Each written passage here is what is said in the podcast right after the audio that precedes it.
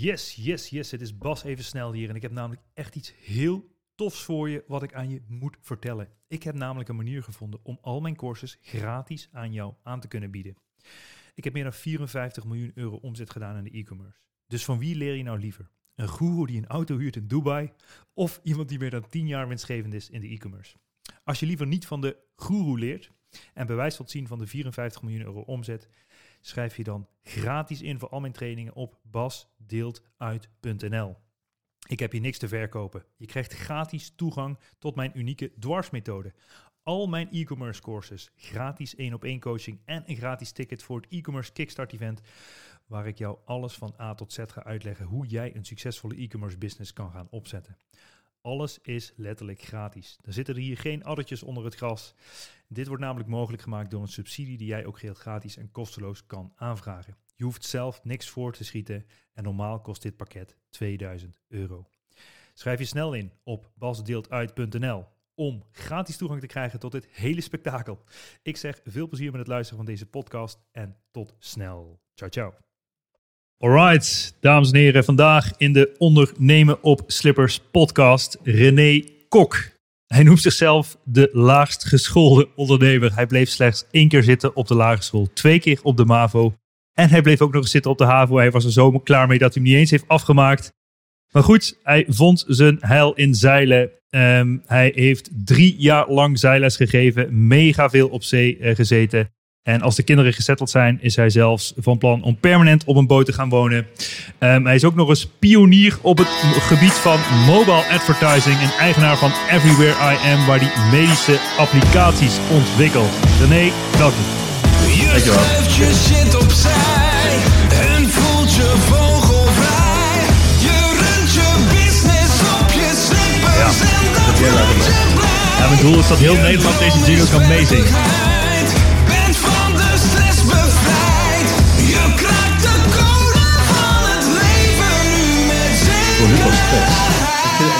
Je podcast van.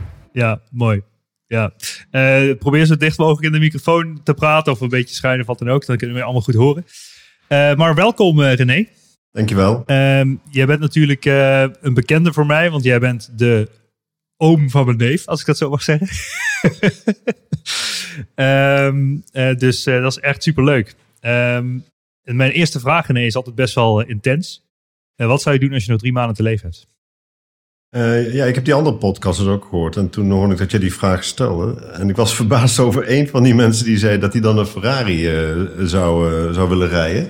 Toen dacht ik ook van ja, maar dat kun je toch gewoon huren? Dat kost helemaal niet zoveel geld.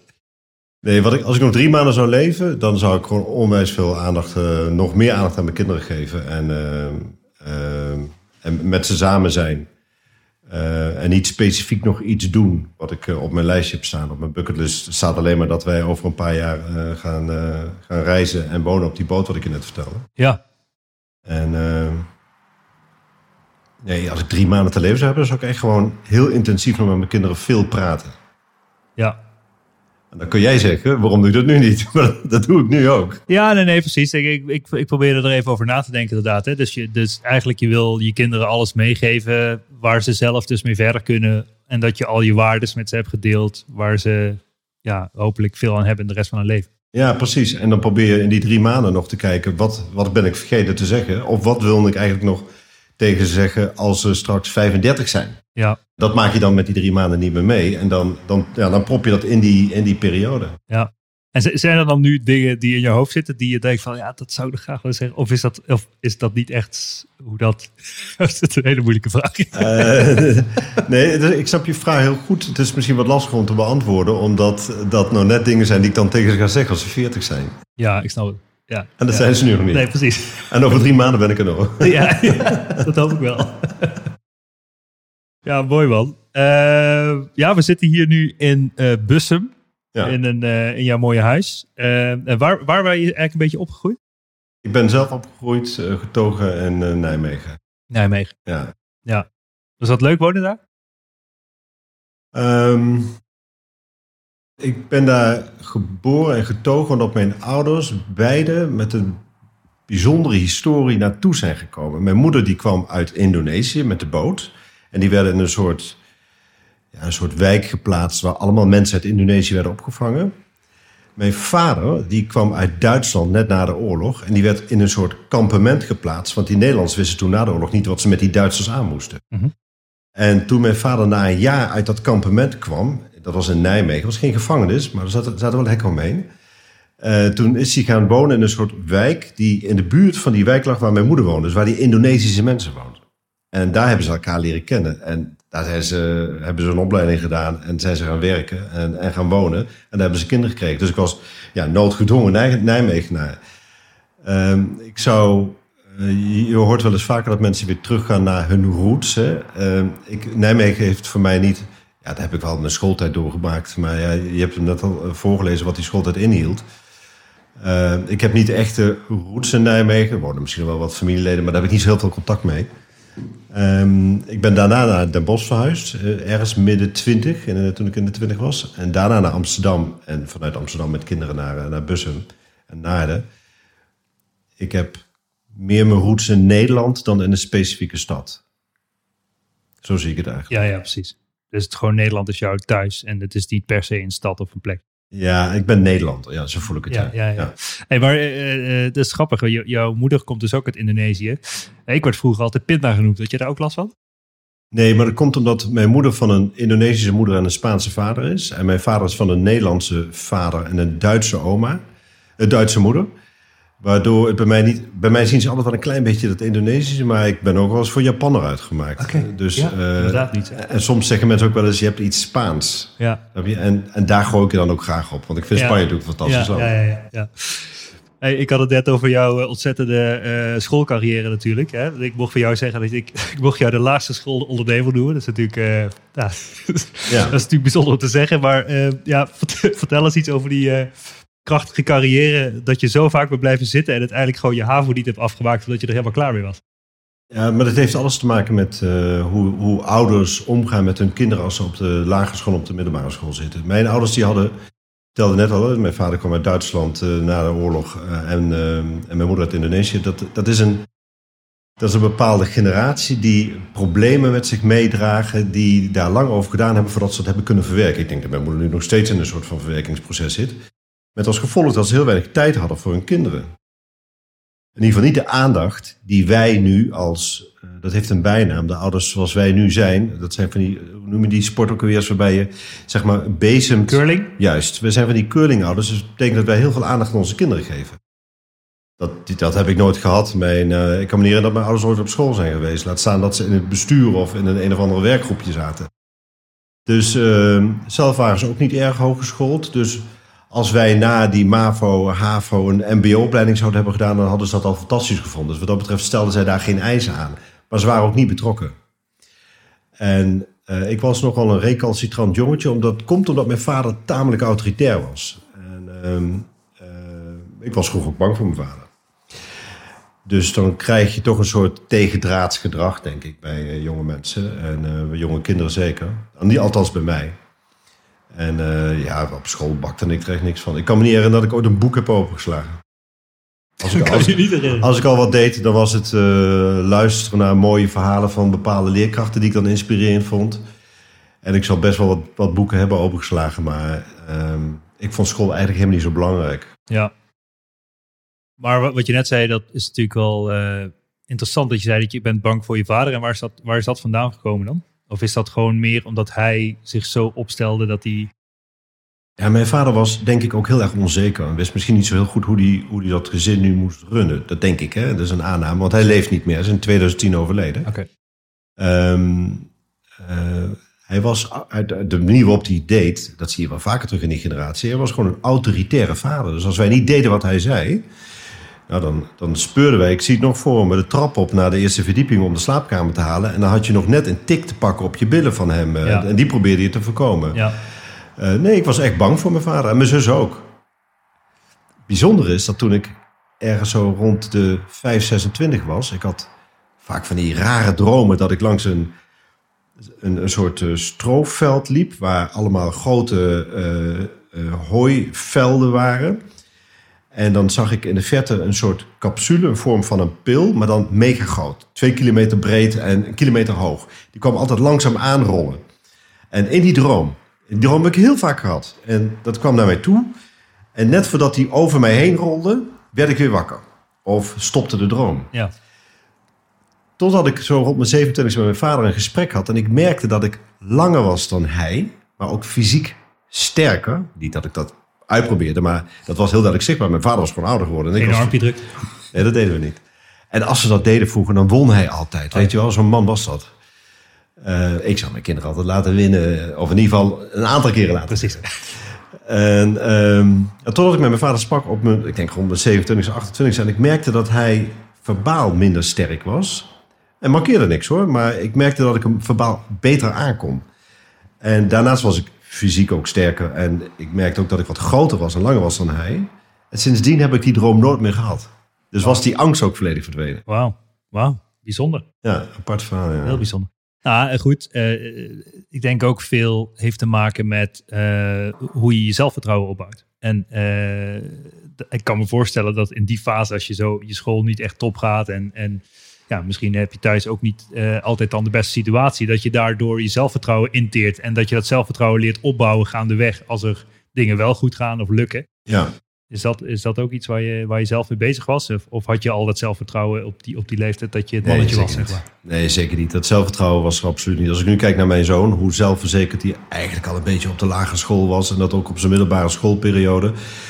Ehm, eh, mijn zoon, eh, die je net even zag, die is, die, is, ja, die, die, die is echt heel zeker van zichzelf. Eh, Die weet wat hij wilt en die weet ook soms niet wat hij wilt. En dan gaat hij het gewoon uitzoeken. Ja. Maar dat boeit hem verder niet. En dat, dat herken ik niet in de René van vroeger.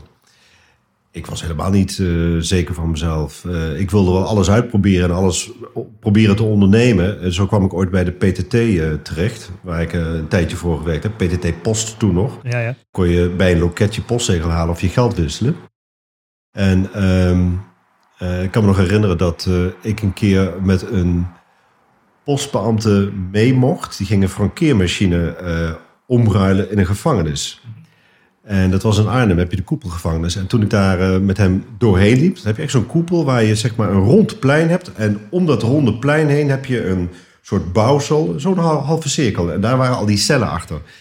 Daar hingen al die gevangenen over die balustrade naar beneden te kijken. En die zagen die twee postbeambten lopen met die frankeermachine. En toen dacht ik, toen ik daar liep, wat ik ook ga doen in mijn leven, wat er ook gaat gebeuren, ik zorg dat ik nooit op het verkeerde pad terechtkom. Want hier wil ik gewoon niet terechtkomen. Ja, Ik wil wel mijn ruimte en mijn vrijheid houden. ja. Ik heb zelfs nog op mijn 19e gedacht om me aan te melden voor het Vreemdelingenlegioen. Eh daar ben ik me gaan verdiepen in, eh, in eh, hoe kom je daar terecht. Hè? Die zijn gelegerd in Albanje. En er is een of ander schimmig kroegje in Antwerpen waar je kunt aanmelden. En dan ga je met een Volkswagen Kever, die zet je dan daar af. Die waren toen nog op zoek naar, eh, naar soldaten. Eh, maar toen eh, werd ik opgeroepen voor de militaire dienst. En, en daar kwam je in de kazernes terecht, waar de deur van dicht ging achter je, zodra je binnenkwam. En toen dacht ik, nou, deze tijd moet ik maar doorlopen.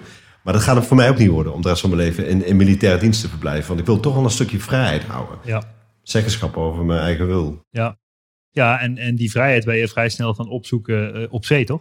Eh, want is dat, is iets, want toen je je HAVO niet had afgemaakt, ben je daarna al meteen gaan zeilen en dat soort dingen gaan doen? Of zat er nog wat tussen? Nee, na de haven ben ik eh, eh, die paar jaar gaan werken voor, ik denk 2,5 jaar voor de PTT. Ja, En ehm, eh, toen heb ik ontslag genomen. En dat vonden veel mensen vreemd, want ja, bij de PTT werken, dat is toch in ieder geval verzekerd van, je, van een goed pensioen. ja, En eh, toen bedacht ik me, ik ga hier gewoon mee stoppen. Want ik zie, dit zie ik gewoon niet zitten voor de rest van mijn leven om dit te blijven doen. En eh, de zee heeft mij altijd wel aangetrokken. En ik had, ik had al veel zeilervaring vanaf mijn zesde. Want mijn ouders hadden vroeger een boot. En ik had een zeilbootje, samen met mijn zus. Cool. En ehm, eh, toen heb ik ontslag genomen. En tegelijkertijd kon ik een klus doen om naar Amerika te vliegen. Naar Miami, om precies te zijn, Fort Lauderdale. Een boot op te knappen, die moest teruggevaren worden. Werd gewaarschuwd door veel mensen van hou, houd in de gaten, want misschien zit er wel drugs in die boot. En eh, dat was natuurlijk eerst wat ik deed toen ik aankwam om die boot te onderzoeken, onder de vloerplanken, onder de vloerdelen kijken of er wat verstopt lag. Maar uiteindelijk, ik had die eigenaar nooit ontmoet, die zat in Spanje. En alles ging via de telefoon, maar hij had wel 10.000 gulden overgemaakt, zodat ik daar in ieder geval die boot kon opknappen om terug te varen. en, eh, maar na een maand, eh, ik- ben niet echt heel, ik was toen zeker niet heel technisch. Toen bleek dat die motor gewoon niet goed was. Toen heb ik een vriend over laten komen. Die, eh, die had alle tijd van de wereld. En die was automonteur. En eh, dat vond de eigenaar prima, want die kon mooi aan die motor sluiten. Dus toen hadden we die motor weer gemaakt, want er waren een paar dingen niet goed aan die boot. Ik denk dat we twee pogingen hebben ondernomen om vanuit Fort Lauderdale naar, naar de Bahama's eh, te varen. En op zo'n beetje rond de helft liepen we tot onze knieën in het water in die boot. Dus er zat een lekkage in. Dus moesten wij weer terug naar Fort Lauderdale, eh, onderzoeken wat er nou los was. En wij, vonden, wij hebben dat lek nooit gevonden. Totdat we wisten van ja, die boot moet gewoon het water uit en er moet gewoon onderzoek plaatsvinden wat er nou precies los is. En toen wilde die eigenaar geen geld meer overmaken. Al die tijd werden wij begeleid door de makelaar die die boot had verkocht aan die eigenaar die in Spanje zat. Oh ja. Die zat in Spanje in de tulpenhandel. Ik heb geen idee of dat echt zo was. Maar in ieder geval, hij zat in de tulpenhandel. In ieder geval, die, die makelaar die hielp ons gedurende die twee maanden dat we daar zaten. Die bracht ons overal naartoe om gereedschap te kopen of onderdelen te kopen. En die zag dat wij gewoon heel erg dedicated waren om dat schip eh, te fixen. ja, precies. Ehm, dus die liet ook weten na twee maanden, nou, ik zie dat de jongens goed werk doen. Ja, er is meer geld nodig, want die boot moet het water uit. Er moeten misschien wat repara- reparaties plaatsvinden. En dat wilde die eigenaar niet. Die zei van, nou, ik heb er 10.000 gulden in- ingestopt. Dus voor mij is het genoeg. En toen, eh, toen ben ik teruggevlogen. Het, het, het boot, gewoon het, klaar. De klus was, eh je, was wel, klaar mee. Precies, want wij, Het is wij te konden... gevaarlijk om de boot te... dat was sowieso te gevaarlijk om terug te varen. En hij zei, eh, ik maak geen geld meer over. Ik vlieg over een paar maanden zelf al en dan los ik het op. En dan, eh, en dan ga ik wel met die boot, boot varen. Maar toen ben ik dus teruggekomen. En toen heb ik me aangemeld bij de Zeezels van Marken. Dat is een zeezeilschool, die zit in Harlingen. Mhm. En daar heb ik diverse diploma's gehaald om, eh, om les te kunnen geven op zee. Want de zee eh, trekt mij. En eh, toen ben ik dat gaan doen, drie jaar lang. Wauw. Alleen maar gaan varen. Tof. En, en heb je nog andere exotische verhalen van, van andere boten die, je die je hebt verplaatst ergens op de wereld? Of eh spannende avonturen op zee? Natuurlijk genoeg waarschijnlijk. Exotisch zou ik niet willen zeggen, maar het heeft wel raakvlakken met de business waar ik nu in zit. Want wij bouwen alleen maar medische applicaties. Ik heb ooit een keer een, eh, een boot op moeten halen in La Coruña. Die moest teruggevaren worden in Nederland. Toen we daar aankwamen, werd ik aan een schipper gekoppeld. Want ik was nog niet zeg maar, ervaren genoeg om die boot te kapiteinen. Dus ik was gewoon een eerste maat. Maar die schipper was een Nijmegenaar notabene. Die had een, eh, ik ben even vergeten hoe dat heet, maar die had een chronische, die had chronische zweetvoeten. Ehm, dus die kon zijn schoenen niet binnen neerzetten in de boot, want dan verging je van de lucht. Maar ook als die schoenen buiten stonden en de wind stond verkeerd, dan verging je binnen van de lucht. Dus ehm, ik moet er toch eens opzoeken hoe dat heet. Maar eh, dat is iets wat mij is bijgebleven, dat ik gevaren heb met iemand die ja, extreme zweetvoeten had, die roken. Dat is misschien niet zo leuk om hier te vertellen. En eh, ja, voor de rest, ja, wat maak je mee op zee? Eh, eigenlijk van alles. Hè? Ja. Storm, eh, windstiltes. Ja, en, en ik bedoel, je moet dus niet zeeziek zijn. Daar heb ik, ik, ik dus heel erg veel last van. Ik zou heel graag meer op zee willen zitten. Maar ik heb zelfs geprobeerd om te golfsurfen in Bali. En ik werd zelfs misselijk toen ik op mijn surfplank de hele tijd op en neer ging. Oh ja? Ja. Ik word overal best wel snel misselijk, zeg maar. En dan had ik ook op een gegeven moment van die bandjes gevonden... die dan zo'n drukpunt hier hebben. Of je kan de tabletten slikken, al dat soort dingen. Maar En?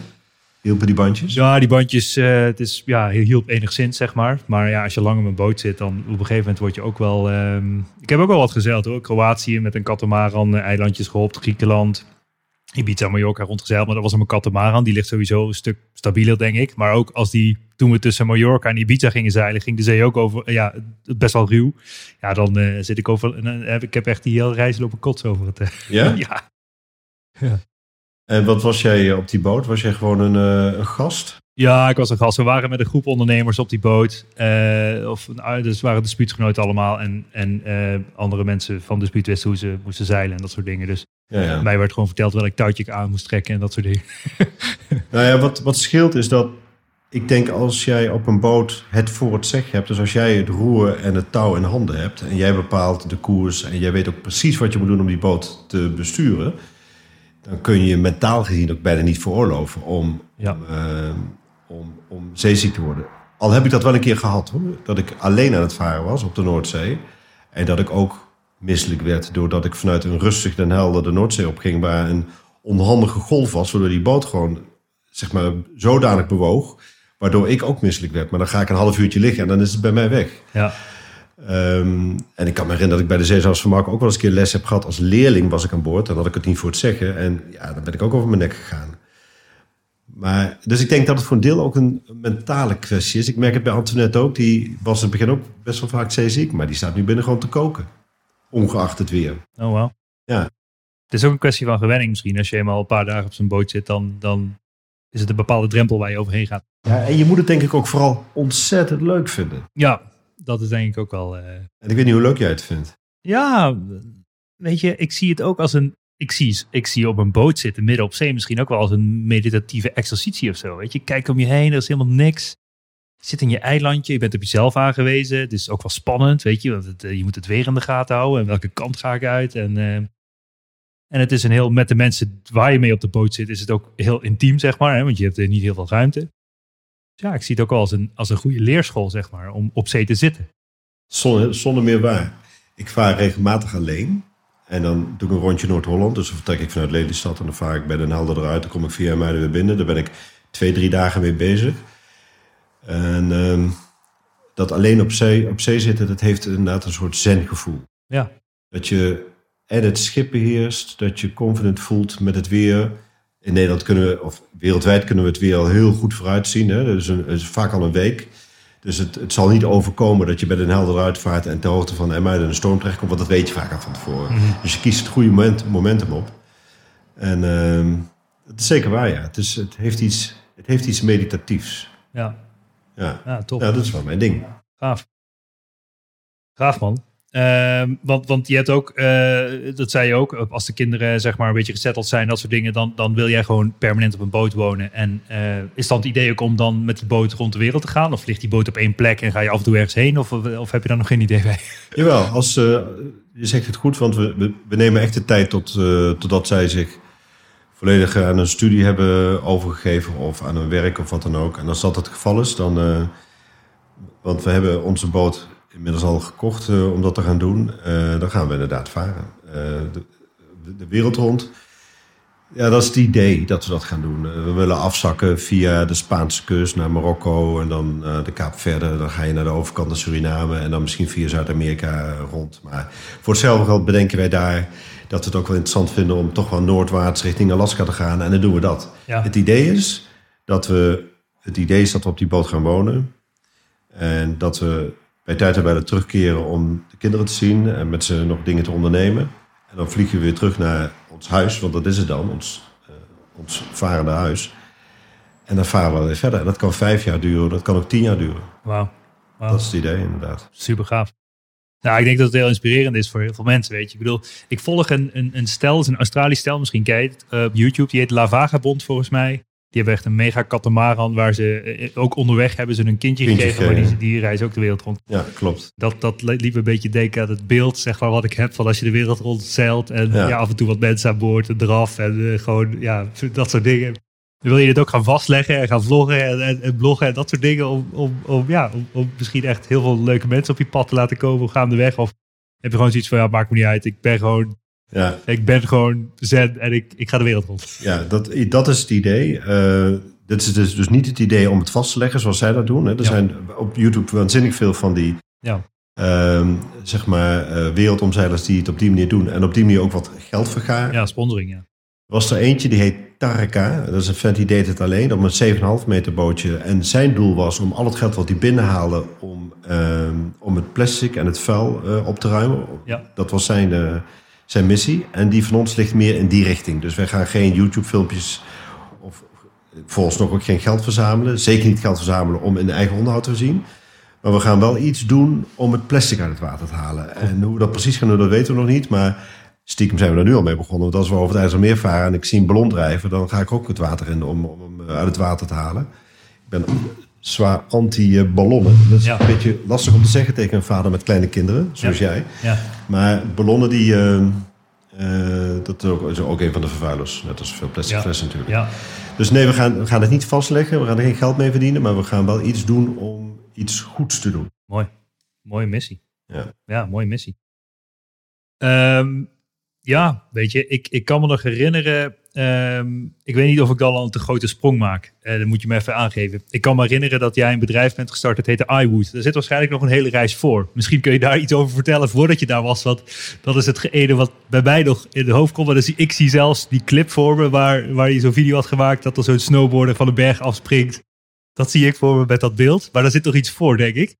Eh, en dat was echt een hele pionierfase met palmpjes en, en allemaal dat soort dingen eh, waar jij heel veel mee bezig was volgens mij. Ja, in 2000 waren veel mensen van mijn generatie met een Palm of met een Psy eh, actief. Ja, leg even uit voor de leken wat een palm is. Want ik kan me voorstellen dat mensen niet eens weten wat een palm is. Ja, Palm is een iPhone, maar dan met een eigen operating systeem en een pennetje waarmee je schrijft op, op het scherm. Dat noemen ze graffiti. Ja.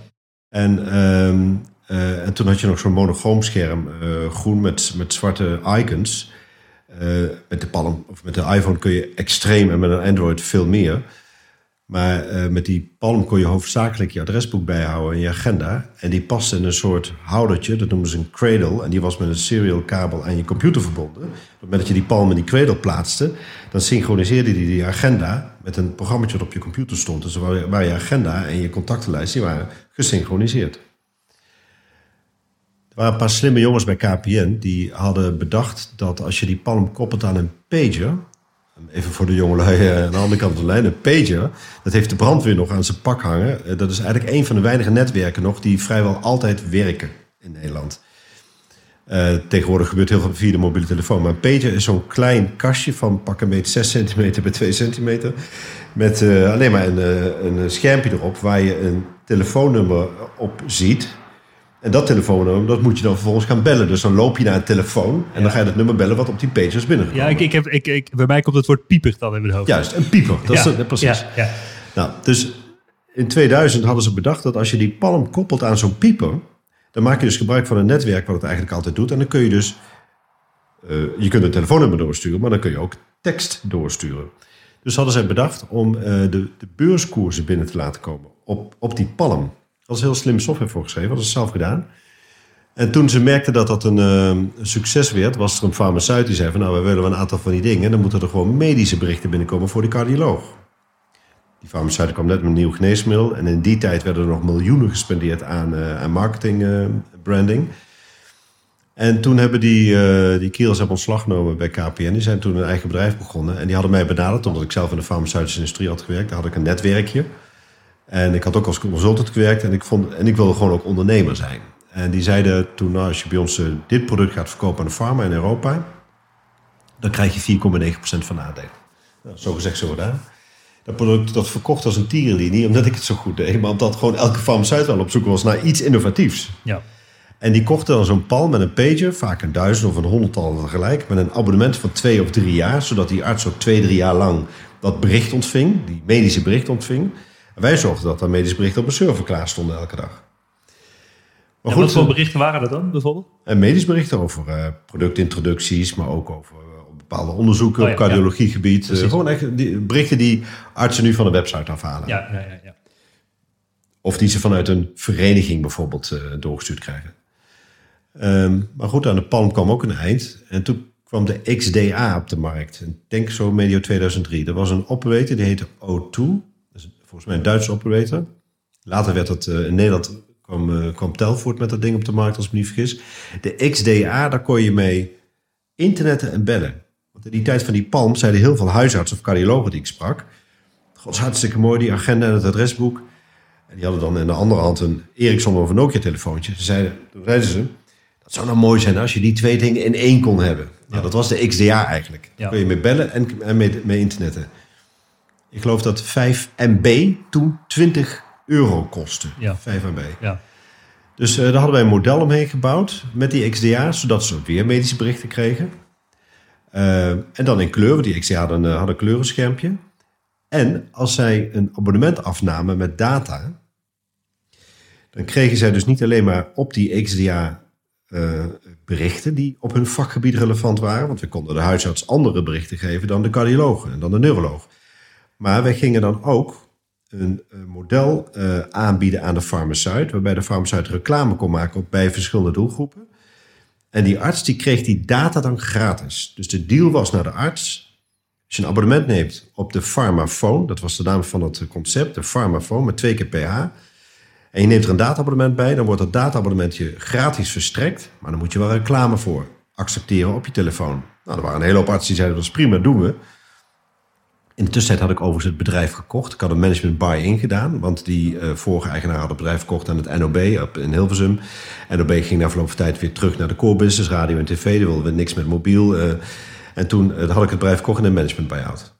Ga ik te snel? Nee, nee, nee. Ik, ik- ik volg het nog. Oké, en dus na verloop van tijd hadden wij denk ik ongeveer duizend artsen die een abonnement hadden op een farmafoon. Ja. En, een, en ehm, en wij werkten op het netwerk van, van KPN. Ja. En op die farmafoon, als je op dat scherm keek, dan zag je een paar icons. Wij noemen dat nu apps. Zag je een paar icons. En als je daarop klikte, kreeg je een adresboek van de huisarts of informatie die voor de huisarts relevant was. En daaronder stond een banner. En die roleerde automatisch. We konden op afstand die banner laten roleren. En Ja. die banner, dat was reclame van farmaceuten. Ja. Maar ook van Volvo en ook van, eh, van reisbureaus. Ja. Doelgroepen die geïnteresseerd waren, zeg maar media die geïnteresseerd was in de doelgroep Ja. artsen. En eh, in 2004 eh, ehm, had ik dat bedrijf dus gekocht. En in 2006 hadden wij, ik denk iets van 1000 abonnees. Dat is natuurlijk helemaal niet zoveel. Maar er zijn maar 20, toen waren er maar 20.000 artsen. Ja. En, ehm, en toen dachten wij van, nou, we gaan het bedrijf gewoon verkopen. Want een arts heeft een hoge ARPU. ARPU staat voor, dat is een term die we nu ook niet meer kennen, maar average rate per user. Dus wat je gemiddeld verbelt. En eh artsen hadden een hoge ARPU, ergens tussen 70 en 100 euro. En eh, eh, toen hebben we het aangeboden bij Vodafone en bij KPN tegelijkertijd. Uiteindelijk heeft KPN het bedrijf gekocht. Die hebben het hele model van reclame en, en, en, eh, en content eh gekild. Ja. Die hadden gewoon in één keer duizend abonnees bij. That's it. Dat was het. Oké. Dus dit was... eh het is, er afgelopen eigenlijk. Maar dit, dit was jouw eerste exit of zo? Ja, het zien? dat was, dat was, ik was 75% eigenaar van het bedrijf. En, en eh, een techneut waar ik mee samendeed, die was 25% eigenaar. En eh, nou, we hebben het bedrijf goed verkocht aan KPN. En toen besloten dat we datzelfde model voor de consumenten in de markt wilden gaan zetten. Juist. En dan kom ik terug op wat jij net zei, dat was iWood. Ja. Ja. Ja, en toen, en toen ging je technologie vooruit. Dus je kreeg natuurlijk elke jaar weer nieuwe toestellen. Ja. En, en, en toen was de BlackBerry nog best wel dominant in de Ja. markt. Eh, en was de introductie van de iPhone al nog niet, denk ik, hè? Nee, nog niet. De BlackBerry was wel dominant, maar hoofdzakelijk in de zakelijke markt. Ja. Eh, de consument had nog vaak Ericsson en Nokia. Nokia en Windows telefoons. Oh ja. Dus toen zijn wij eh, in 2006 begonnen, 2007 begonnen met het bedrijf iWood. Ja. I-W-O-O-D. Ja. En waarom iWood? Omdat wij voor elke advertentie, we hadden hetzelfde model bedacht eigenlijk wat we voor die artsen deden, willen we ook voor de consument gaan doen. Ja.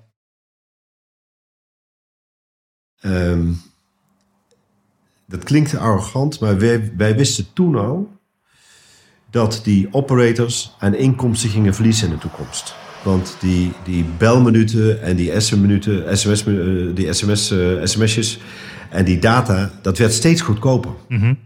En dat zie je nu ook. Want je hebt een all-in bundle voor 30 euro. Ja. Volgens mij zelfs onbeperkt internet. Ja, precies.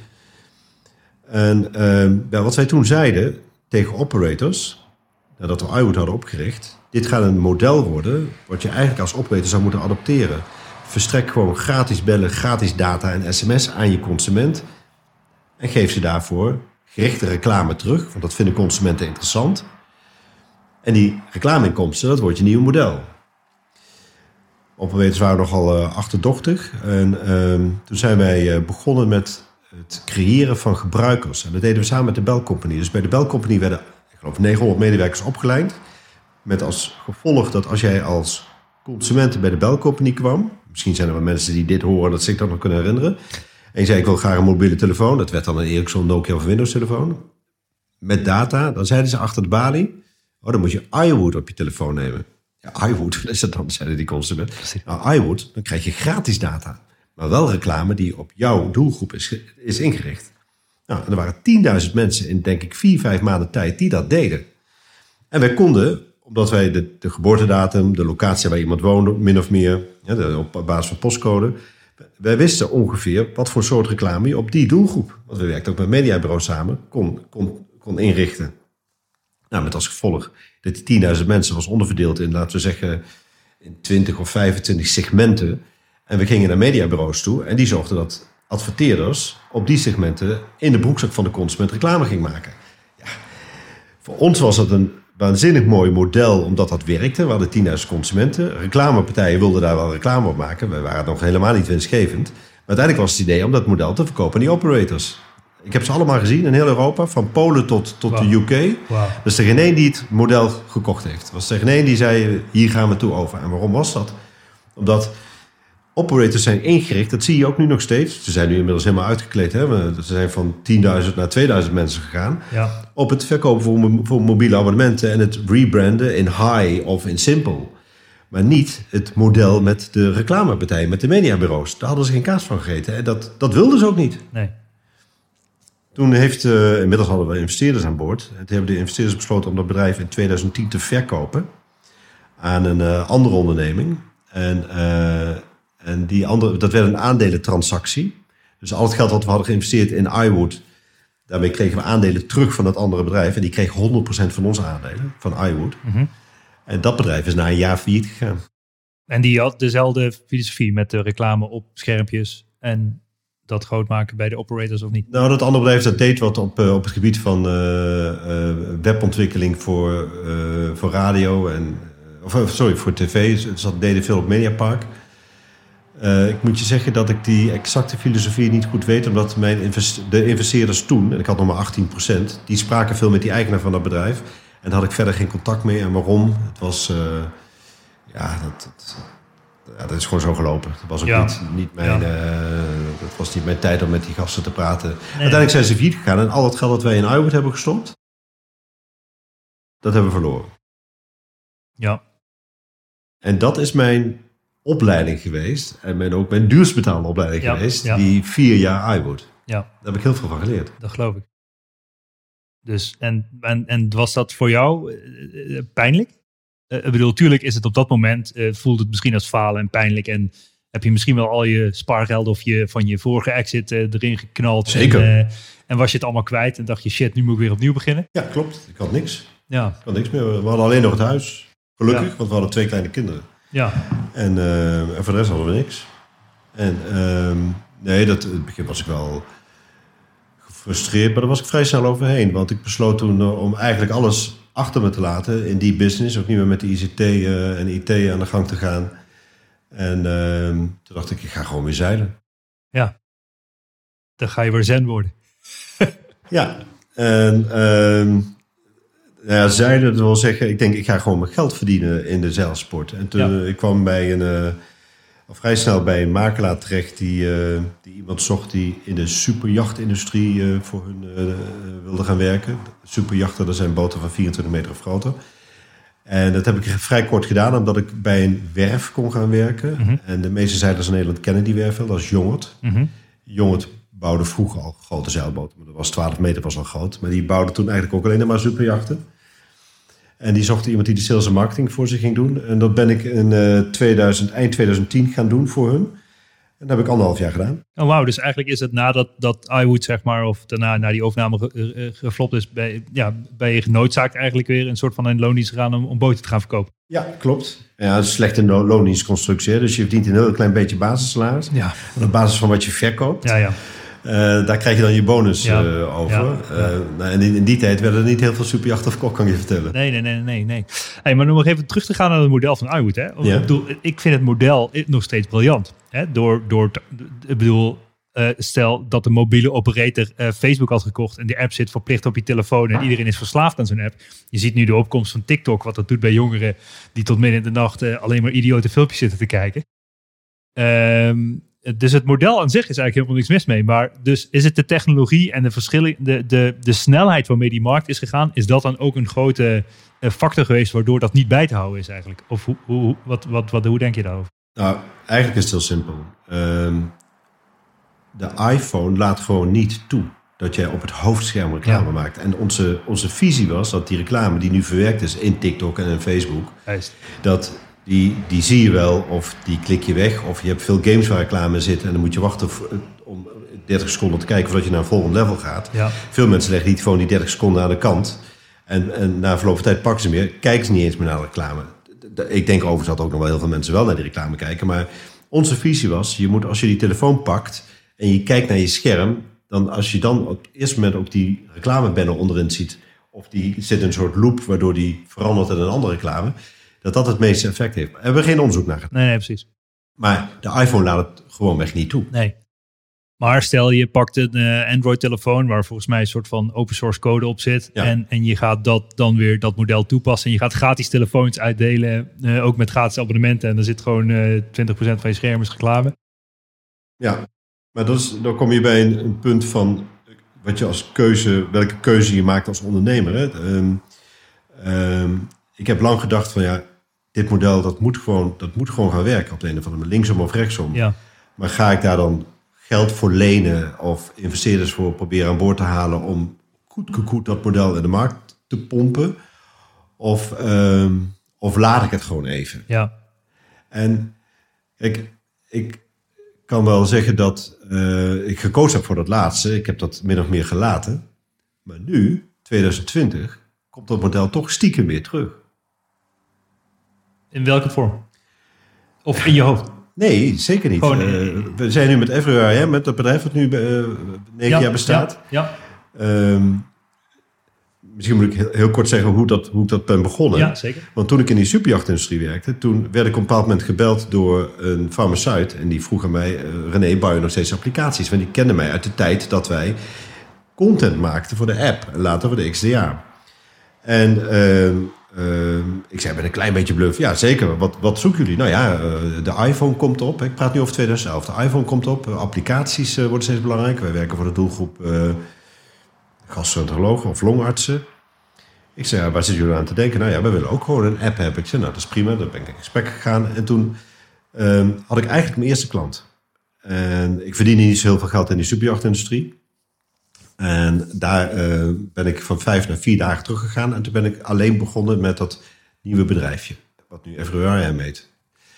En eh, toen ben ik van een applicatie gaan bouwen. En twee maanden later werd er een andere farmaceut, eh, zeg maar, die meldde zich aan de deur. En die zei dat we willen ook een applicatie hebben voor de nefrologen. Dat is een superspecialisme van internisten. En eh, toen had ik al een tweede klant. Toen ben ik van vijf naar, even gro- grofweg, hè, van vijf naar drie dagen gegaan. Totdat ze in die, in die, bij Jongert zeiden ze, waar ik toen voor werkte, die, eh, die werf. Nou René, we willen toch weer dat je van drie naar vijf dagen gaat. Want we zien dat de markt weer aantrekt. En toen heb ik gezegd van nou, dan moet je iemand anders gaan zoeken. Want ik ga gewoon mijn eigen bedrijf weer opzetten. Dus ik had twee klanten. Ja, En eh, maar ja, van twee werden, er- het er drie en zo groeide het langzaam door. En binnen een jaar tijd had ik te veel klanten om het alleen te kunnen managen. En mijn idee was toen, ik ga gewoon weer alleen een bedrijf starten. Ik ga het niet meer doen met andere aandeelhouders, zoals ik dat hiervoor bij iWood heb gedaan. Eh, ik ga dat gewoon alleen doen. Maar dat is me niet gelukt, omdat ik eh, te veel opdrachten kreeg, waardoor ik iemand aan moest nemen. En Dat werd een, eh, werd een jonge vent, waar ik nog steeds mee bevriend ben, eh, Erik. Erik was afgestudeerd arts, had zijn kooschappen gedaan, maar wilde op het snijvlak van IT en zorg werken. Hij had ook nog een, eh, een jaartje kunstmatige intelligentie gedaan, dus had een klein beetje kennis van programmeren. En het was een vent met hele goede conceptuele ideeën, nu nog steeds. En eh, Erik was de eerste medewerker en de, de, de tweede was, eh, was Ivo. En eh, Ivo zat meer op het marketing eh, en het verkoopdeel. En met z'n drieën hebben we een tijd lang aan de stijghouten tafel gezeten, die we overigens nu nog steeds op kantoor hebben. En waar ik nu nog steeds aan werk, aan diezelfde tafel. En eh, zo hebben we denk ik eh, met, met wisselende stagiaires, ehm, eh, en later kwam daar Linda bij, hebben we het bedrijfje langzaam opgebouwd. Tot een serieus bedrijf wat het, wat het nu is inmiddels. Ehm, en wat doen wij? We bouwen medische applicaties. Dat is het enige wat wij doen. En, en ik zeg een beetje gekscherend helemaal in het beginsel dat ik de laagst opgeleide ondernemer ben. Er zal vast wel iemand zijn die alleen maar een lagere school heeft gedaan. Ik kan er nu van zeggen dat ik vier jaar op de MAVO heb gezeten. je hebt dat geprobeerd? Maar ehm, ik zeg dat een beetje gekscherend, omdat eh, de kunst van het ondernemen is niet alleen maar, eh, zeg maar bepaalde kansen in de markt zien of, of iets durven ondernemen, zoals jij dat zelf ook doet. Eh, maar het is vaak ook een beetje een neus hebben voor, oké, wat voor soort mensen moet ik nou om me heen verzamelen om iets voor elkaar te krijgen, wat, welke richting we willen gaan groeien. Nou, ik heb in een vrij vroeg stadium, ook mede dank, dankzij Erik, gekozen om artsen aan te nemen. Dus nou, we hebben nu vier artsen in dienst. Eh, dat wil zeggen twee in een nul uur contract en twee echt op de payroll. En hopelijk gaan die twee op dat nul uur contract, als ze straks klaar zijn met een master, eh, komen die ook bij ons aan boord. Dan kunnen we echt zeggen, we hebben gewoon vier artsen op de payroll staan. Dat is eigenlijk onzin, want die twee op de nul uur contract staan ook op de payroll.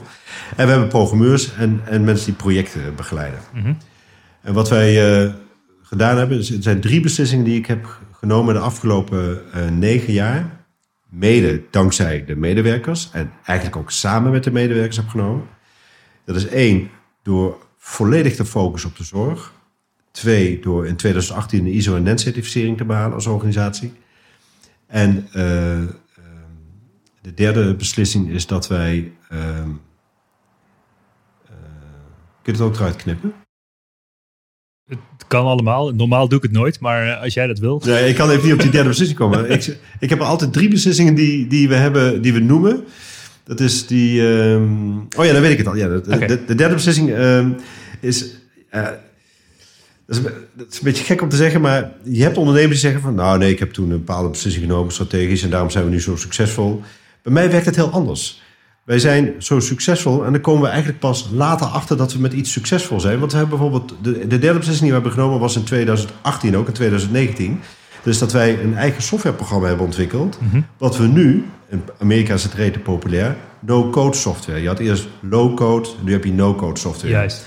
Deze no-code programmatuur, daarmee kun je zelf een app bouwen. Juist. Gewoon blokjes stapelen, dingen, workflows maken, allemaal dat soort vatsen. Precies, omdat mensen in onze omgeving, maar ook eh, mensen als, als Erik en andere artsen zeiden van al die richtlijnen die we nu aan het modelleren zijn naar mobiel, er zit een soort opbouw in die best wel identiek is. We kunnen ook een softwarepakket maken. Dat was dan een, een slimme programmeur die dat zei. We kunnen ook een softwarepakket maken. Waardoor we veel makkelijker, en dan heb je geen programmeur meer nodig, waardoor, je, waardoor we met medische studenten en waardoor de artsen zelf die richtlijnen kunnen. Ja, eh, dat is een beetje bekend voorbeeld Mendix, denk ik. Precies, dat Ja. is een hele grote in Amerika. Ja. Het verschil van ons is dat wij een no-code platform hebben waarmee wij ons uitsluitend alleen maar op de zorg richten. Want wij doen niks daarbuiten. Juist. Dus drie goede beslissingen genomen. Dus artsen in dienst, Ja. volledig op de, op de, op, Focus. op de zorgfocus. Ja. Daarmee eigenlijk ISO-net-certificering en dat platform wat we gebouwd hebben. Ja. De bedoeling is dat het platform steeds meer gelicenseerd wordt bij klanten, ziekenhuizen, verenigingen. Eh, met als gevolg dat ehm, eh, we veel abonnees willen creëren die gewoon tegen veel lagere kost, 80% lager dan, dan wat ze voorheen betalen voor een applicatie. En tegen een versnelde tijd voorheen kost het bouwen van een app twee maanden. En nu kunnen we het in anderhalve week Ja. gewoon eh, apps publiceren. En nu kom ik even terug op die reclame waar we het over hadden. Omdat wij die no-code eh, Greg hebben. Greg is de naam van het platform. Als artsen bij ons op kantoor eventjes niks te doen hebben... kunnen ze gewoon zelf een applicatie bouwen. In de store staan applicaties zoals het antistollingsboekje... antibiotica, anesthesiologie-richtlijnen... de SOA-app. Eh, die hebben wij zelf gebouwd. De content hier is vrijelijk beschikbaar. De kunst is om dat goed te modelleren naar mobiel. En dat doen we met ons no-code platform Greg. Wat is nou het eh, interessante? Dat er farmaceuten zijn die het interessant vinden om binnen dat anesthesiologieboekje reclame te gaan maken. Ja. En dan weliswaar niet op het hoofdscherm. Maar op het moment dat je die app opent, Ja. dan krijg je duidelijk een beeld. Niet zozeer een productreclame van die farmaceut, maar wel hun, hun visie op health of eh, iets dergelijks. Dus dat hele reclamestuk komt weer terug. Dan zou ik over vijf jaar kunnen stel dat dat een succes wordt. Ja. Dat is het nog niet. Maar stel dat dat een succes wordt, kan ik over vijf jaar zeggen, nou, ik had een visie in 2000 al. Die heb ik uitgevoerd in 2004, verkocht. Ik heb dat later weer opgezet. Maar dat is bullshit. Dat is iets wat automatisch groeit. Want dat van die reclame en het maken van die apps had ik drie jaar lang echt niet, drie jaar geleden niet kunnen bedenken. Nee. Maar dat zijn we nu wel aan het doen. Ja. Gaaf, man. Maar het, het, het moeilijke is, is het is hetzelfde met een marketplace functie, zo noem ik dat. Je moet altijd aan twee kanten reclame doen. Want jij moet uiteindelijk zeg maar die, die, aan, die, aan die medische kant reclame doen. Maar je hebt ook die adverteerders nodig. En daar zit vaak de moeilijkheid. Want je, nu ben je waarschijnlijk goed aan het ene deel, zeg maar. Eh, en, en het andere deel, het binnenhalen van die adverteerder. Daar zit waarschijnlijk de grootste uitdaging. Ja. Helemaal waar. Dat, da- en daarom moeten wij consolideren. Ja, Er worden op dit, dit punt ook gesprekken gevoerd om dat te gaan doen. eh, omdat we het niet meer alleen kunnen. Want we zijn maar met 15 mensen. ja, En ehm, eh, we moeten, idealiter hebben we partijen die en richting die farmaceutische industrie makkelijk stappen kan nemen. Met zo'n soort partij zijn we in gesprek. Of met zo'n soort partij zijn we ook in gesprek. We gaan met een partij verder praten die aan de kant van de, van, van de publicatie een rol kan spelen. En dat hoeft niet alleen maar een uitgever te zijn, hoor, maar dat kan ook een, eh, een IT-onderneming zijn die heel veel doet voor, voor ziekenhuizen of voor medische verenigingen. Zodat ze daar nog veel meer dat Greg-platform eh, zeg maar kunnen neerzetten en daar uiteindelijk veel meer gebruikers mee kunnen genereren. Ja, en dan moet uiteindelijk moet het, moet het betaald worden. Dus eh, waarmee ik bedoel te zeggen, Greg wordt nu een licentie afgenomen door allerlei partijen in de zorg. Maar misschien kun je het straks wel gratis aanbieden. Ja, Omdat je adverteerders weet te vinden die dat platform onderhouden. precies. En, en dat kwartje is inmiddels in de, in de zorg ook wel gevallen bij artsen. Ja, Ze zijn, vroeger waren ze altijd heel erg bang voor de farmaceut, hè, omdat hij altijd zo'n drukke was met hun, eh, met hun geneesmiddelen. Ik ben zelf ook ooit artsenbezoeker geweest, dus ik weet hoe dat werkt. Maar tegenwoordig zijn farmaceuten, los van het feit dat die buitendienst helemaal uitgedund is, zijn ze veel anders aan het nadenken hoe ze die artsen kunnen ondersteunen in hun werk. En natuurlijk hebben ze ook een verkoopdoelstelling, anders kan die organisatie niet bestaan en nog geen onderzoek doen naar nieuwe medicatie. Mhm. Eh, en inmiddels is het kwartje wel gevallen, ook in de zorg, dat, dat de farmaceutische industrie niet alleen maar de boeman is, maar ook een partij is die wat kan brengen. ja, ja. Tof. Eh, maar ja, René, je hebt ons er eigenlijk er een beetje doorheen genomen. Dus je hebt de hoogtepunten gekend, dieptepunten gekend. Waar ik benieuwd naar ben, is hoe je ervoor zorgt dat je mentaal het mannetje blijft. Want ik kan me voorstellen, en zeker op die dieptepunten, weet je, dat je jezelf moet herpakken op een manier. En ja, bedoel, het lijkt erop alsof jij een soort van uitweg of ja, hebt gevonden om door op zee eh, of in ieder geval iets met zeilen te doen om daar jezelf weer te vinden of zo. Maar ik ben heel erg benieuwd hoe je dat mentaal het mannetje blijft. Heb je ooit een burn-out gehad of, of, of heb je gewoon altijd ervoor gezorgd dat je, ja, weet ik veel, dat je veel sport of eh, ja, ik ben gewoon benieuwd naar, jou, naar jouw aanpak daarvoor, hoe je dat, hoe je dat regelt. In die tijd van iWood ehm, heb ik het hardlopen heel erg opgepakt. En eh, toen, dat, eh, toen dat uiteindelijk klapte, hè, nadat uh, na die aandelen, aandelentransactie, die aandelen swap, zoals we dat toen noemden, dat andere bedrijf ook nog eens een keer failliet ging, dus eigenlijk alles weg was. Ehm, toen liep ik nog steeds hard. En ik, ik heb wel dagen gehad dat ik in hardlopen wel mijn, mijn rust en mijn zenmoment vond. In die tijd overigens zeilde ik nauwelijks. Eén keer per jaar huurde ik een boot voor een week eh, met het gezin. Dat was het ook. Eh, ik miste het zeilen wel heel erg, maar ik had er toen geen geld voor en eh, ik maakte er geen tijd voor. Ehm, ik denk dat ik in hardlopen mijn, eh, mijn zenmoment heb gehad. Want toen ik begon met Everywhere liep ik ook heel veel hard, dagelijks. Ehm, ook halve marathons eh, gedaan. Ehm, nooit een hele, want dat, dat, dat vind ik slecht voor het lichaam. Half is ook niet al te best, maar... Dan ik heb denk je een dat, doel. Wat zei je? Dan heb je een doel. Ja. Eh, ik vond half al genoeg. Ja, ik denk dat dat het is geweest dat ik daar wel mijn, eh, mijn rust in heb gevonden. Ik heb nooit een burn-out gehad. Ik heb ook nooit het gevoel gehad dat ik, dat ik in de put zat waken, waardoor ik dacht van ik kom hier niet meer uit. En misschien heb ik dat dan ook alweer te danken aan mijn ouders, omdat ze vroeger zo weinig tijd staken in hun kinderen, moesten we het gewoon zelf een beetje rooien. En ehm, dat is ook wel eens mijn angst naar mijn kinderen. Want mijn kinderen die hebben altijd een soort vangnet. Die hebben Ja. ook dagelijks gevoel van Ja. dat vangnet. Ja. Dat had ik vroeger totaal niet. Met als gevolg dat je ook ja, misschien wel soms te snel muren opzet om jezelf te verdedigen. Met het gevoel van, eh, ik red me wel. Weet je, dat, eh, zo dat, ja. En nu vind ik het heel erg, ik heb, ik, dat, we zijn een eh, stabiel bedrijf. eh, vanaf het begin, ik vertelde dat ik geen stuiver had. Ik had echt geen geld. En, die eerste, en ik werkte een klein beetje dus in de superjachtindustrie... waarvan men niet de illusie moet hebben dat je daar bakken met geld verdient. Ja, misschien wel als je twee schepen per jaar verkoopt... maar dat deden we in die tijd helemaal niet. Dus ik verdiende heel weinig. Eigenlijk nauwelijks wat. en toen ik begon met het bedrijf en die eerste klant zich aandiende... de- die wilde een project, die hadden 30k te besteden... en ik ging met 15k ging ik naar een programmeur die het ontwikkelde... en ik had het eerste startkapitaal van 15.000 euro. Daar kon ik voor onze huur mee betalen... Ja. en een bureau en een computer mee kopen. En eh, zo heb ik het langzaam eh, opgestapeld. Ehm, en tot op de dag van vandaag hebben we nog geen stuiver geleend. Er zit ook geen investeerder in het bedrijf. Eh, we hebben geen vreemd vermogen. Ehm, eh, dat gaat nu wel veranderen. Als we gaan consolideren zal er wel geld in gaan komen. Omdat we gewoon versneld willen gaan groeien. Want je noemde het Mendix. ja, Greg moet net zo groot worden, minstens, maar dan in de zorg. precies. Ehm, en daar heb je geld voor nodig. Dat Ja. kun je niet meer alleen met 15 mensen doen. Nee. Ehm, dus eh, ja, en nu, nu vind ik mijn rust, eh, ja, denk ik in het zeilen. Ja, In het op zee zijn. En Ja. eh, in de rust van het gezin. ja. Ja, mooi. En, en, en, hoe, hoe doe jij dat dan, eh, Bas? Ja, ik ben sinds eh, vorige week eigenlijk weer begonnen met een personal trainer. Ik, ik heb best wel een rumoerige periode gekend. Ik heb ook een hele transitie gemaakt. 30 man eruit, volledig virtual team. Een hele transitie in mijn business. En dat was mega stressvol. Ik kan echt wel zeggen dat ik, dat ik ook echt wel ja, die, die burn-out soort van heb gehad. Ik heb echt een hele periode gehad dat ik mijn bed niet uit te branden was. Dat ik echt gewoon niks waard was. Oh ja? Ja, dat was echt heel heftig. En ehm, eh, ja, toen zijn we ook verhuisd naar woonboerderij. En dat was ook in die fase. En sinds we verhuisd zijn eigenlijk ben ik ja, een beetje met op en af, een beetje onregelmatig gaan sporten eigenlijk. En toen kwam corona natuurlijk en toen eh, dat soort dingen.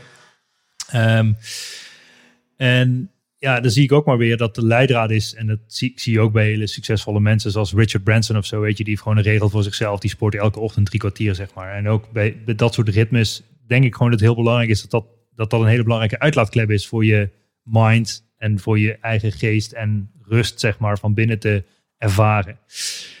En ehm, ja, het stomme is dat de, dat de lessen die ik daar ook uit getrokken heb, het, is altijd zo gek uh, als je het zelf maakt. En met andere woorden, ook de problemen die je krijgt, die heb je zelf gecreëerd. Hè? Of dat nou, en dat is vaak ook in je business zo.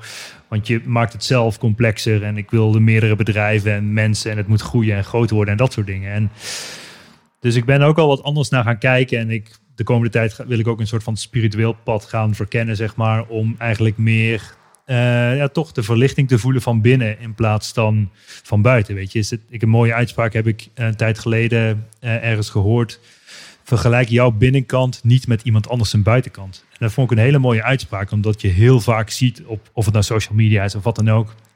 Oh, die gast is zo succesvol en het is allemaal, weet je, te denken dat iemand er helemaal in wordt geprezen. Maar je zult het heel vaak zien dat misschien wel de meest succesvolle of de rijkste mensen in, op aarde, of, of wie dan ook, weet je, dat, dat hoeft niet per se op aarde te zijn, maar gewoon rijke mensen, succesvolle mensen, misschien ook wel BN'ers, hebben heel vaak juist heel veel, ja, eh, misschien wel innerlijke strijden met zichzelf en uh, zijn vaak niet gelukkig. Dus en ik denk dat geluk ook een heel groot thema is in deze, in deze tijden. Dat mensen zich misschien wel geforceerd gelukkig willen voelen of zo.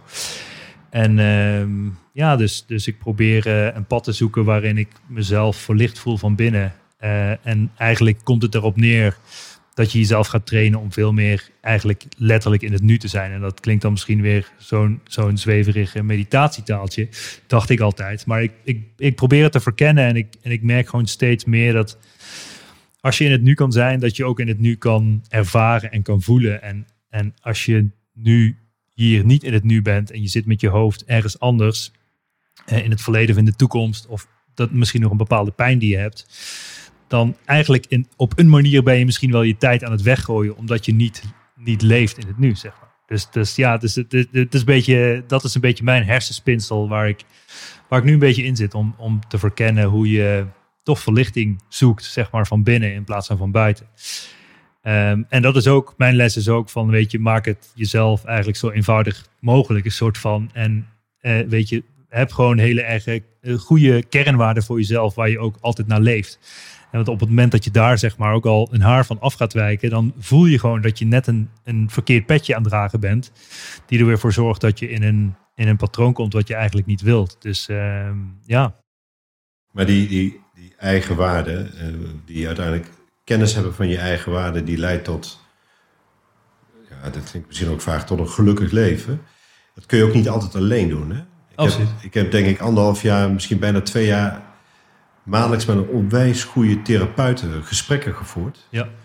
Die mij dingen heeft laten zien in mijn gedragingen die ik voorheen half of niet zag. En als ik het half zag, kon ik daar beter de vinger op leggen. En degene die ik niet zag en leerde zien door, door de gesprekken die ik voerde, of de oefeningen die we deden, dat je daardoor ook veel meer en beter begrijpt waarom je bent zoals je bent. Ja. En als jij heel goed snapt en begrijpt dat je bent zoals je bent en je accepteert ook bepaalde eigenschappen en kernwaarden van jezelf die misschien niet altijd plezierig zijn, maar je kunt ze wel benoemen, mm -hmm. dan heb je al een heel groot stuk gemaakt. Ja. En als je erom kunt, als je er ook zelfs nog een klein beetje om kunt glimlachen, omdat je bepaalde waarden hebt waar je misschien niet altijd trots op bent, maar die wel bij jou horen. En je kunt je omgeving daarvan bewust maken dat die bij je horen, maar je kunt er zelf ook een klein beetje om glimlachen, omdat je ze ook een beetje gek vindt.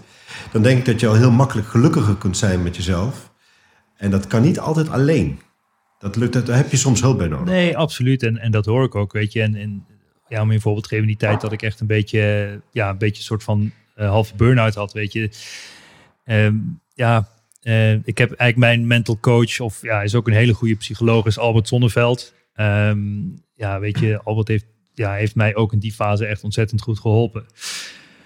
Ehm, ja, en heb ik ook regelmatig eh, gesprekken met hem gevoerd. Of eigenlijk zo'n soort, van sessies gehad, zeg maar. Om inderdaad, ja, gewoon ja, jezelf weer te herpakken, weet je. Want ja, in zo'n fase zie je eigenlijk helemaal niks meer zitten. En eh, denk je dat je een mislukkeling bent en al dat soort dingen, weet je. Dus zit ook een soort van angst in jezelf. Maar waar ik ook inderdaad, en dat is exact wat jij nu zegt, waar ik zelf achter ben gekomen, is als je jezelf beter leert kennen. En daar, eh, daar dus iets mee doet uiteindelijk om je zwaktes in te vullen. eh, en te leren erkennen, te benoemen. Eh, en dan mag je wel een beetje die gekke vogel zijn. Dat is prima, weet je. Daar, daar heb ik ook geen, heb ik niet zoveel moeite mee. Dus, ehm, dus door jezelf te beter leren kennen, eigenlijk iedereen daar eh, eh, beter van te laten worden. Dus niet alleen je business, maar je omgeving, je familie, je kinderen. Alles wordt er beter van op het moment dat jij jezelf beter leert kennen en daarmee leert omgaan, denk ik. Eh, zowel de goede als de slechte dingen. Ja, maar vertel dat maar eens aan, aan iemand tussen de 30 en de 40 die in, de, in het midden van zijn carrière zit. En die wel ziet dat vrienden die op dezelfde opleiding hebben gezeten, dikke auto's rijden, grote huizen wonen. Ja, Die, die, die vinden het vaak heel lastig om die competitie te laten. En die willen ook in grote huizen wonen en in dikke auto's rijden. En het liefst nog een 911 voor de deur. ja, In die leeftijd ben je nog in een bepaalde fase, waardoor je vaak 40 moet worden of ouder, om in te zien dat het dat niet allemaal is. Ja, ik zeg altijd materialisme is niks. En dat is letterlijk ook zo, want het is totaal niks waard voor jezelf. Geld ook niet. Eh, geld, sterker nog, geld is de grootste, de grootste illusie op aarde natuurlijk. Het is een ja, soort van middel om, een, een praktisch middel eigenlijk, van, van uitwisseling. Maar wa- waarom zie jij dat? Hè? Zie jij dat omdat jij eh, twee jaar gereisd hebt? Of zie jij dat omdat jij eh, tot dat inzicht gekomen bent door een bepaald moment? Ja, ik denk wel dat het te maken heeft met een bepaalde ervaring en dingen die je hebt meegemaakt door dat ook later in te zien. Ehm,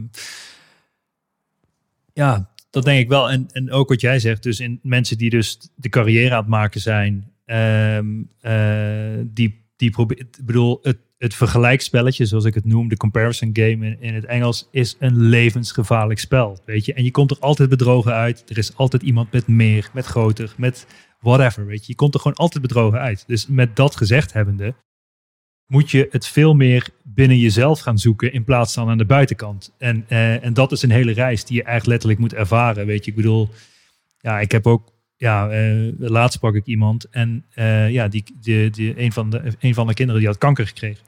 En die was echt gewoon carrière tijger, dus dan een dame.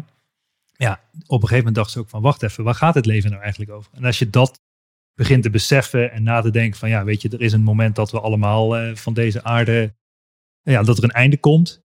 En ik zeg altijd, tijd is leven. En als je dat zo ziet, dat de tijd ook letterlijk het leven is, ja, dan ga dan niet gewoon je tijd vergooien aan, aan, aan eh 80 uur per week werken en denken dat als je een Porsche hebt, dat je dan gelukkig bent. Of als je een miljoen op je bankrekening hebt, dat je dan gelukkig bent. Of als je een business hebt ter waarde van een, van een miljoen, dat je dan gelukkig wordt. Het is allemaal niet waar, maar dat weet je pas als je er geweest bent. Dus dat zijn de lessen die je leert naarmate je die business bouwt. En ehm, ja, ik bedoel, ik zeg het, ik ben liever arm en gelukkig dan andersom. Ehm, Doe je daarmee de stelling? Ik doe de stelling, maar is dat Ja. wat jij bedoelt? Dat iedereen die in een dikke, opvallende auto rijdt of in een groot huis woont of een protserig jacht heeft, is die altijd aan het spiegelen?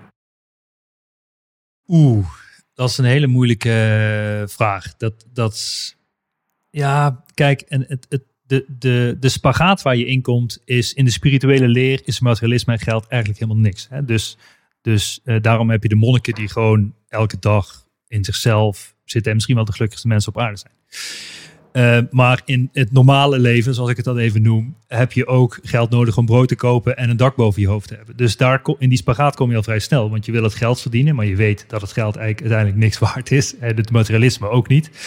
En toch wil je jezelf gecentreerd voelen van binnen en één zijn met jezelf en in het nu kunnen leven. Maar je hebt ook de andere kant nodig dat je toch het dak boven je hoofd hebt en een auto wil rijden en dat soort dingen. En als je dat dan doet, dan denk je misschien ook al van ja, dan is het ook wel leuk als het een beetje groter huis is en een betere auto. Maar of dan, of dat altijd mensen zijn die dan, ehm, ja, hoe, hoe was de stelling ook alweer? Spiegelen, dat is de spiegelen. Dat is spiegelen. Ja. Waarom zou je een groot huis eh, moeten hebben? Ja, eh, daar valt altijd wat voor te zeggen. Weet je, Ik bedoel, je hebt ook een hele tiny house movement. Ik heb zelf ook eh, vier jaar lang op een camping gewoond. eh, in een kleine chalet. Ja. Ik zeg niet dat ik daar, dat, dat bedoel, dat is prima. Ik vind, het, ik vind het juist wel heel tof om dat naar buiten te brengen. En ik denk ook van ja, alles wat eigenlijk afwijkt van het normale vind ik al snel leuk. Maar, maar dat is dit ook wel. Dus of je dan een groot, ja, het- ik denk dat in, in, in, op een manier is het misschien wel spiegelen. En ehm, het stomme is dat heel veel mensen, en, en daar betrap ik mezelf natuurlijk ontzettend ook op, dat ze alleen maar bezig zijn met aan de buitenwereld te laten zien wat zij hebben. En ehm, als je dat eigenlijk omdraait, dat je naar je eigen binnenwereld kan laten zien wat je zelf hebt, dat je veel dichter bij jezelf komt. En dat is, ehm, ja, dat is super moeilijk. Ik bedoel, tuurlijk, ik zie ook ik, in mijn leeftijd nog steeds, mensen kopen steeds grotere huizen, rijden steeds duurdere auto's. Eh, maar ja, daar, bedoel, als je ze zou vragen of ze er echt gelukkig van worden, dan denk ik niet dat ze altijd, dat, dat, dat de meeste ja zullen zeggen. Dat geloof ik niet. Het zal ze niet gelukkiger maken. Nee, dat geloof ik helemaal niet. Nee, dan, dan kun je beter eh, op een camping wonen en, en wel gewoon een eenvoudig leven hebben, maar wel super gelukkig zijn. Ja. Of, of, eh, Ja, maar ze winnen het potje wel bij hun maatjes. Want zij rijden dan toevallig net even dat jaar de duurste auto. ja. ja, nou ja, goed. Weet je, ik bedoel, ik heb ook een voorbeeld. Dat is, dat is een andere vriend van mij. Die is gewoon ontzettend veel gepest op school vroeger. En ehm, eh, weet je, hij had de drive, is uiteindelijk ondernemer geworden. En zijn drive is altijd geweest, als ik naast jou bij het stoplicht sta, dan wil ik met mijn Porsche Cayenne jou eruit vegen in jouw miserige auto. En dat was zijn, dat was zijn drive. Daardoor is hij een succesvolle ondernemer geworden, omdat dat zijn drive was. En nu is hij juist weer het hele kant, de andere kant op gaan. Is hij het spirituele pad gaan bewandelen. En, en, en is hij juist weer één met zichzelf. En nu, weet je, het is, ja, het is gewoon een hele reis die je als leven in je leven meemaakt. eh, totdat je beseft dat, dat het enige wat je hoeft te doen is te zijn. En, en, eh, en dat, is, ja, dat, dat is een soort van besefmoment. Alleen dat beseffen en er 100% naar leven en er ook nog mee te doen in de praktijk is ook weer, is ook weer een ander verhaal, zeg maar. Ja, het is een pad bewandelen. Want hij heeft het pad bewandeld door wel die Porsche te kopen en mensen een aantal keren in te halen. Totdat hij tot het inzicht kwam dat het ook anders kon. Of dat hij het op Exact. een andere manier wilde. En zo heb ik mijn pad en zo heb jij ook jouw pad. Eh, hoe oud ben je nu, eh, Bas? 35. Ja, ik denk wel dat veel mensen jaloers kunnen zijn op het feit dat jij op je 35 al tot dat inzicht komt. Eh, want ik denk, als je dat inzicht hebt wat jij nu net noemt, dat dat wel echt een verrijking is van, je, van jezelf. En, Ja. en misschien komt het wel omdat jij heel vroeg begon met ondernemen. En dan begin je met vroeg met vallen en opstaan. Hè? Het traditionele pad van jonge studenten op Klopt. 24 e gaan werken voor PricewaterhouseCoopers Ja, tot een 32 Dat zijn, je, hebt, je hebt altijd ondernomen. Hè? ja. Dus daarmee is ondernemen ook wel een hele mooie leerschool om misschien wel een, een beter mens te worden.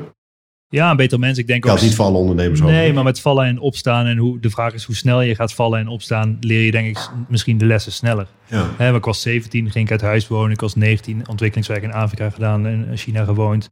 Weet je, dus het begint heel snel dat je jezelf leert kennen. En dat ik ook met mijn eigen creativiteit in bijna elke omgeving mezelf weet te redden. En dat is ook wat je zelf net zelf ook zei. Dat je dat ook zelf hebt geleerd. En dat je daar misschien wel heel veel aan te danken hebt. Dat je dat je, je altijd kan redden.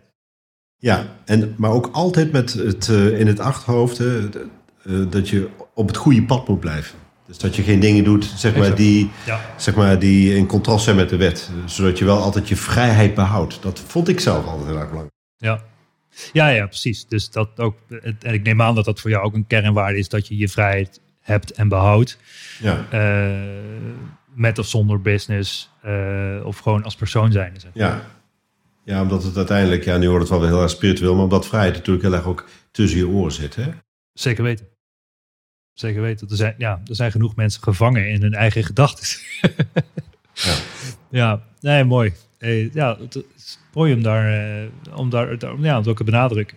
Want ook, ik bedoel, ja, dat is natuurlijk raar, maar hoe, eh, jij bent wat ouder. Ehm, hoe kijk jij tegenover hoe je jezelf, voor jezelf het geluk creëert dan? Of, of, ja, of creëert, of hoe, hoe, hoe ben jij gelukkig? en wanneer ben je het gelukkigst? Het laatst vroeg iemand aan mij, eh, wat voor droom heb je nog? Ja, En dat vond ik een vergelijkbare vraag als jouw vraag van eh, over drie maanden ben je eh, overlijd je en dan eh, Ja. Wat, zou dan nu nog willen doen? Toen heb ik heel veel over nagedacht over die, die droomvraag. Ehm, ik vind het ook wel heel bleuk klinken, maar ik vind dat wij nu hier samen, eh, ik met mijn partner, dat wij gewoon de dingen doen die, waarvan wij denken dat we die goed doen voor de kinderen. En ehm, Eh, en wij zijn ze aan het helpen eh, daar waar ze toelaten om geholpen te worden. Om zeg maar, het pad van volwassenheid te betreden. En in de tussentijd ben ik met mijn bedrijf bezig. En eh, Antoinette is met haar eigen ding bezig. Om eh, voor onszelf de volgende fase in te gaan. Is om op die boot te gaan wonen en dan weer wel veel te gaan varen en te reizen. Ehm, dit zijn, wat wij hier doen, ja, daar ben ik al heel erg gelukkig in. Ik heb niet direct dromen. Ja, ik zou willen dat, dat, we, eh, dat we iets ontwikkelen wereldwijd, waardoor we al dat plastic en al het afval op een hele verantwoorde manier kunnen, kunnen zuiveren van deze aarde. Er zijn ook vast mensen mee bezig, maar ehm, eh, ik heb voor mezelf als mens heb ik niet direct een, nog een wens om gelukkiger te worden. Ik ben hartstikke gelukkig. Ja. Ah, dat is mooi. Dat is natuurlijk, dat is natuurlijk super mooi. En dat voel je ook natuurlijk ook van binnen. Dat is niet iets wat iemand anders voelt of ziet. Maar ik denk wel, ehm, nou ja, misschien is het wel een droom om met die zeilboot rond de wereld te reizen. Maar ehm, omdat ik dus ook met die vraag begin, wat zou je doen als je nog drie maanden te leven hebt? Dat is, ik noem het dan ook een beetje de, ja, de, de noem je dat, de ziekenbed eh, zeg maar. Van stel, jij ligt nu in het ziekenhuis en je gaat misschien over, over drie maanden dood. Dat gaat natuurlijk niet gebeuren. Maar wat zijn de dingen die jij opschrijft van jouw leven waar je het meest trots op bent en waar je eh, echt dacht van ja, dit, dit was mijn leven. En dan, dat heeft waarschijnlijk relatief weinig met materialisme te maken, maar veel meer met avonturen die je beleefd hebt met de mensen waar je omgeeft, denk ik. Of misschien ook wel dat bedrijf die over de hele wereld eh, gebruikt wordt door mensen. Ja, ik denk dat ehm, ik meer op microniveau blij ben om de dingen die gebeurd zijn, waar ik met plezier op terugkijk. En zo zijn er natuurlijk ook dingen waar ik met minder plezier op terugkijk, eh, die ik achteraf gezien misschien anders gedaan zou hebben als mens. Ehm, maar voor mij zit het veel meer in kleine eh, geluksmomenten. Een voorbeeld, we hebben recent eh, iemand voor een stageperiode van vijf maanden aangenomen bij ons op eh, kantoor. Eh, die persoon is eh, 49 jaar en eh, is van buitenlandse afkomst. En die wil per se zijn eh, LOE-MBO-opleiding afmaken. En dat heeft te maken met eh, programmeren.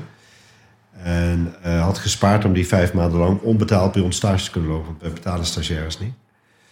En, ehm, en wat we zien is dat, dat het iemand is die heel dedicated is in het, het werk wat hij doet. Maar daarnaast ook bevlogen is eh, om met zijn werkzaamheden aan de gang te gaan. Ja, dit, ik heb nog nooit iemand aangenomen van die leeftijd. Want ik was altijd de oudste. En, en, en degene die daarna kwam was 30 jaar. Ja, Maar nu merken we dat het wel eh, goed werkt, omdat eh, iemand met een bepaalde maturiteit in de omgeving eh, nog is. Weliswaar is hij stagiaire, maar we zien ook nog eens een keer iemand die heel erg goed past binnen onze onderneming. En dan, dan vind ik het gewoon eigenlijk heel mooi. En daar kan ik dan van genieten, dat wij zo iemand... Ik ben blij dat we hem de kans hebben gegeven om dat bij ons te gaan doen, deze stage. Want ik denk dat het niet makkelijk is voor iemand van 49 met relatief weinig opleiding... om een, eh, met een LOE-MBO-opleiding ergens stage te gaan lopen. Want over het algemeen willen ze toch HBO-ICT'ers hebben. Of heel soms mensen met een universitaire, universitaire opleiding. Maar voor wat wij doen en wat hij kan, kan hij voor ons heel veel betekenen. Wat een verrijking is voor het bedrijf. En als het bedrijf vervolgens met zijn cultuur en de mensen ook weer een verrijking is voor hem. Om zich verder in te ontplooien. Ja, dat vind ik heel mooi, dat soort dingen. precies. Eigenlijk ander, dus jij zorgt ervoor dat anderen hun dromen kunnen verwezenlijken en de stappen die ze zetten in hun leven die ze willen zetten. Ja, dat, dat, dat is bijna is dat zo. Ja. Ehm, ehm, maar daar ben ik niet op die manier bewust mee bezig. En ik heb ook niet een moment gehad dat ik dacht van eh, dat ga ik vanaf nu doen. Ik ga andere mensen hun dromen verwezenlijken. Dat is totaal niet het geval. Maar de mensen die bij mij werken op kantoor, die, ehm, ja, de kunst is wel om te kijken in hoeverre die, in hoeverre ze kunt laten groeien. En meenemen, mee kunt nemen in die groei. En, eh, en als wij gaan consolideren straks, dat zij straks ook onderdeel zijn van die scale-up fase. En eh, voor mijzelf, mijzelf boeit dat persoonlijk niet zo erg. Maar ik, ik vind het voor hun wel heel gaaf als we hun daarin mee kunnen nemen in die groei. Ja, zeker. En daarom vind ik het ook heel belangrijk dat de partij waar we mee gaan consolideren, dat past bij onze organisatie, dat het aansluit. Ja, ja, tof. Eh, ik denk dat we nog wel een paar uur door kunnen lullen, René. Ehm, maar we zitten alweer een dik uur erin. Ik vond het een eh, onwijs eh, inspirerend gesprek ook. Ehm, heb, ik, had ik, heb ik iets niet gevraagd wat ik had moeten vragen aan je? Ja hoor. Ik vond het ook leuk. Ja, tof. Ja. Waar kunnen mensen meer over jou lezen, vinden? Eh gooi er nog even een pitch in van 30 seconden of zo. Eh, nou ja, everywhereim.com, dat is de site van ons bedrijf. Als ze willen weten hoe dan zo'n medisch bedrijf zich profileert en wat ze dan precies doen. En ehm, over mij iets vinden niet, tenzij ze op de koffie willen komen hier eh, thuis. Maar ik, eh, ik, prof, ik profileer me niet zo. Dus, nee, nee, precies. Dus eh, eh, je naam googlen is waarschijnlijk het beste. Ja, liever het bedrijf, daar hebben we meer aan. Alright. René, dankjewel dat je mocht interviewen. Jij ook bedankt, Bas. En eh, we zien elkaar snel. Ja, dat is goed, dankjewel. Bedankt voor het luisteren naar de Ondernemen op Slippers podcast. Check voor meer informatie ondernemenopslippers.nl. Tot de volgende keer. Yes, wauw. Wat een eh, gaaf gesprek weer met René Kok. Eh, en het mooie is ook gewoon dat hij niet alleen pionier is in de mobile advertising, maar ook nog echt grote zelfvanaat. Ik heb hier echt wel van genoten van deze episode. Ehm, ik hoop jij ook. En eh, ik zeg tot de volgende keer. Dit was toch een onwijs gave episode. Laten we eerlijk zijn. Ik vind het onwijs tof. Mocht je nou waarde vinden in deze episodes, check dan ook eventjes mijn LinkedIn, Bas Eurlings, en geef mij gewoon even een persoonlijk berichtje wat je van deze podcast vindt. Nogmaals, ik kan alles gratis aan jou geven. Wil je leren in de e-commerce? Gratis in op één coaching. Gratis e-commerce kickstart event. Ga naar basdeeltuit.nl hoe jij subsidie kan aanvragen door gratis, om gratis toegang te krijgen tot alles wat ik gemaakt heb. Check it out en tot snel. Ciao, ciao.